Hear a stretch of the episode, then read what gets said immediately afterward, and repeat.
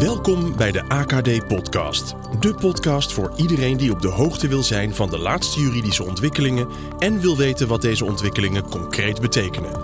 Rond de uitbraak van het coronavirus hebben wij een speciale podcastserie gemaakt.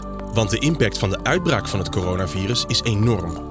Uiteraard humanitair, maar ook voor de economie en voor uw organisatie. AKD praat u in deze podcast bij over de impact op het gebied van het arbeidsrecht. Welkom bij de podcast over arbeidsrechtelijke actualiteiten COVID-19. Mijn naam is Daphne van Zelst en ik ben arbeidsrechtadvocaat bij AKD. In deze podcast ga ik in op de aangekondigde NOW-regeling. Vervolgens zal ik in een paar minuten vragen beantwoorden die wij in onze praktijk tegenkomen, naar aanleiding van de recente situatie. Allereerst begin ik nu met de toelichting op de NOW. De NOW staat voor Noodmaatregel Overbrugging Werkbehoud. De NOW is een tegemoetkoming in de loonkosten van werkgevers. De definitieve regeling is nog niet bekendgemaakt. We hebben alleen een Kamerbrief eigenlijk. Naar verwachting wordt de regeling bekendgemaakt op vrijdag 27 maart. En omdat die regeling nu nog niet bekend is, heerst er helaas toch nog wel wat onduidelijkheid over diverse aspecten van de regeling. Nou, en in deze podcast kunnen we daar eigenlijk ook niet omheen. Maar ik ga wel mijn best doen om zo goed mogelijk toch wat duiding aan te geven en aan te geven hoe wij erover denken hoe dat ingevuld zou kunnen worden tot het moment dat de regeling bekendgemaakt zal worden. De definitieve regeling wordt naar verwachting vrijdag 27 maart pas vastgesteld. En omdat de regeling nu nog niet bekend is geworden en enkel is gebaseerd op een Kamerbrief die vorige week verzonden is, zal er toch nog wat onduidelijkheid blijven over diverse aspecten van de regeling. En in deze podcast probeer ik daar wel zoveel mogelijk duiding aan te geven. Maar sommige dingen kunnen helaas nog niet met zekerheid worden gesteld. De tegemoetkoming op basis van de NOW bedraagt in ieder geval ten hoogste 90% van de loonsom. En is afhankelijk van het omzetverlies dat u als werkgever leidt ten gevolge van de uitbraak van het coronavirus. En om nu een tegemoetkoming te ontvangen, dient er dus sprake te zijn van minimaal 20% omzetverlies. Nou, de aanvraag voor deze tegemoetkoming zal gelden voor een periode van drie maanden en omzetdalingen vanaf 1 maart 2020. Dus daar zit wel een terugwerkende kracht in. En wanneer nu een aanvraag wordt toegewezen, ontvangt u van het UWV een voorschot van 80% van deze verwachte tegemoetkoming. En achteraf zal dan de definitieve tegemoetkoming worden vastgesteld aan de hand van de daadwerkelijk geleden omzetdaling. Dit kan dus ook betekenen dat er een correctie plaats zal gaan vinden. Deze correctie kan zowel naar boven als naar beneden plaatsvinden en hangt af van wat uiteindelijk het definitieve omzetverlies is geweest en ook wat uiteindelijk de definitieve loonsom zal zijn. Nou, nu zal ik een aantal vragen die door werkgevers vaak aan ons zijn gesteld de afgelopen periode uit de praktijk gaan behandelen. Een van de eerste vragen daarbij is van ja, veel werkgevers geven aan, ik heb nu nog geen omzetverlies, maar ja, mijn werknemers kunnen eigenlijk hun werkzaamheden beperkt of niet meer verrichten. En ik weet wel dat wat ze nu nog kunnen doen, dat dat binnenkort ook gaat eindigen, omdat bijvoorbeeld leveranciers aan hebben gegeven niet meer te kunnen leveren of andere contracten zijn opgezegd. Kan ik dan wel deelnemen aan die NOW? Nu is het zo bij de NOW dat dat omzetverlies van 20% is wel echt een harde eis. En wanneer werknemers geen werkzaamheden meer kunnen verrichten, ja, zal die omzetdaling helaas ook niet lang op zich laten wachten. En indien u aan kunt tonen dat het omzetverlies onvermijdelijk gaat komen, kunt u in dat geval wel al overwegen om nu een aanvraag in te dienen, ook al is er nog geen sprake van daadwerkelijk omzetverlies. En hiermee kunt u bijvoorbeeld ook voorkomen dat u ja, onderaan de stapel belandt. Want het zal natuurlijk enorm druk zijn bij het UWV qua aanvragen. Nu is het wel mogelijk dat het UWV zal zeggen: ja, deze aanvraag gaan wij nog niet in behandeling nemen, omdat de omzetdaling zich nog niet heeft gerealiseerd. Nou, en ik ben van mening dat ja, het op zich wel het proberen waard is om dat toch te doen. Ook een baat het niet, dan schaadt het niet. En het kan er wel voor zorgen dat er wat meer schot in de zaak komt. Wat wel belangrijk is om daarbij te vermelden, dat er daadwerkelijk voldaan wordt aan de omzetdaling van 20%. Aangezien het UWV in eerste instantie dus met een voorschot werkt van 80%. En dit kan betekenen dat er dus een correctie achteraf plaatsvindt. Wanneer toch blijkt dat die omzetdaling niet die 20% heeft gehaald. Een andere vraag die wij vaak tegen zijn gekomen de laatste tijd heeft betrekking op het vaststellen van de referentieperiode voor de omzetdaling. Ja, wat wordt hier nu eigenlijk mee bedoeld en, en wat is dan die referentieperiode? Nou, helaas is dat op basis van wat we nu weten nog niet helemaal duidelijk, omdat daar niks over gezegd is. Maar de verwachting is wel dat er in ieder geval geen sprake zal dienen te zijn van een structurele daling van de omzet. En ja, wellicht wordt er voor de referentieperiode aangesloten bij de omzet over dezelfde periode in het voorafgaande jaar. Dat zou een goede optie kunnen zijn. En als we dan bijvoorbeeld kijken naar start-ups, dan zal daar naar verwachting een andere referentieperiode voor worden gehanteerd. Simpelweg omdat er het voorafgaande jaar geen omzet was, omdat er nog geen onderneming was. Een andere vraag die wij vaak zien heeft betrekking op in hoeverre de uitkering op basis van de NOW is gekoppeld aan het maximumdagloon. Alhoewel daar in de Kamerbrief ook geen koppeling aan lijkt te worden gemaakt, kunnen we dit toch niet met zekerheid stellen. Dus het lijkt er wel op dat er geen koppeling is aan het maximumdagloon, maar dat is toch echt iets wat we echt even moeten afwachten als de regeling bekend wordt gemaakt.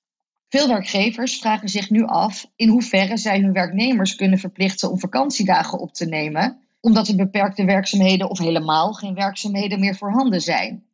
Nou, en nu geldt het niet alleen voor vakantiedagen, maar het kan ook gelden voor opgebouwde tijd voor tijd of ATV-dagen. Helaas is in principe het niet toegestaan om werknemers te verplichten vakantiedagen op te nemen.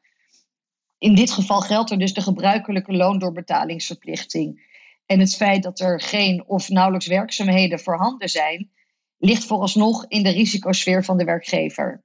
Het is wel mogelijk dat hier op bijvoorbeeld CAO-niveau afwijkende afspraken voor gelden of momenteel worden gemaakt.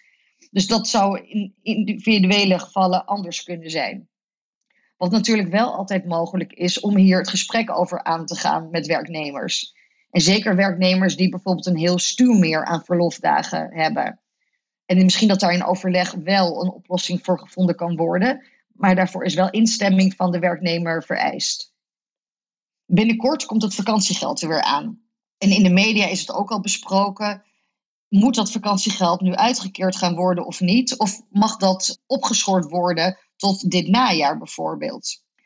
Nou, daarvoor geldt dat werknemers recht hebben om een vakantiegeld uitgekeerd te krijgen in de daarvoor gebruikelijke maand. En dat zal voor de meeste organisaties mei zijn en voor sommige bijvoorbeeld april. Het is zo dat er dus onderhandelingen plaatsvinden door de FNV voor afwijkende afspraken daarover. Maar dat zal enkel specifieke sectoren gaan raken. Vakantiegeld is een arbeidsvoorwaarde die nagekomen dient te worden. En dit wordt niet anders indien het opschorten van de uitbetaling van het vakantiegeld afgestemd wordt met de ondernemingsraad. En dit is iets wat wel veel werkgevers denken dat dat een oplossing zou kunnen zijn, maar dat is helaas niet het geval. Het probleem daarmee is dat ook al stemt de ondernemingsraad in met opschorting van het vakantiegeld, dan is de individuele werknemer hier niet aan gebonden. Indien u hier toch toe over wil gaan, zal u dus in principe toestemming moeten vragen van de individuele werknemer. Een andere optie is het eenzijdig wijzigen van de arbeidsvoorwaarden die betreft het uitkeren van vakantiegeld in de maand mei of april. Dat zou kunnen door een eenzijdige wijziging van arbeidsvoorwaarden door te voeren. Alleen is het zo dat de eisen die de wet hieraan stelt, zoals onder meer een voldoende zwaarwichtig belang, dat het zeer de vraag is of die toets van die eisen gehaald zal worden. En dat zal misschien in specifieke gevallen zo kunnen zijn, maar door de bank genomen is de kans vrij klein dat die toets gehaald wordt. Wij horen veel werkgevers die aangeven, onze werknemers hebben al vakanties ingeboekt voor bijvoorbeeld de meivakantie. En sommigen ook de zomervakantie of andere weken daartussendoor. En die werknemers die geven nu aan, ik wil eigenlijk dat intrekken, die vakantiedagen die ik ingepland heb. Want ik kan niet afreizen naar de door mij gewenste vakantiebestemming. Ik moet thuis blijven. Ik wil eigenlijk geen vakantie opnemen. Moet u daar nu mee instemmen? In principe is het zo dat u niet zomaar daar akkoord mee hoeft te gaan. Wel is het zo dat er een redelijkheidstoets aan vastzit en dat u wel eigenlijk ja, van goede huizen moet komen indien u weigert om de al gereserveerde vakantiedagen in te trekken. Daarbij kan natuurlijk wel het financiële aspect een grote rol spelen en daarvoor dus ervoor zorgen dat daar een, een groot belang aanwezig is bij de werkgever. Het is dus vooral goed om erop te letten dat als een werknemer een dergelijk verzoek bij u neerlegt, dat u gaat kijken naar wat zijn daarin de mogelijkheden, wat zijn de gevolgen als we het wel intrekken of niet intrekken en dat dat duidelijk wordt gecommuniceerd. En het feit dat een werknemer niet af kan reizen naar de gewenste vakantiebestemming, betekent niet dat er geen vakantie genoten kan worden. En de gedachte daarachter is, is dat vakantiedagen hebben een recuperatiefunctie. En een werknemer die nog steeds gewoon doorwerkt, thuis waarschijnlijk, die zal nog steeds die recuperatiefunctie behouden, die vakantiedagen met zich meebrengen. Dus het feit dat het locatie wijzigt, betekent niet dat er geen sprake meer kan zijn van vakantie.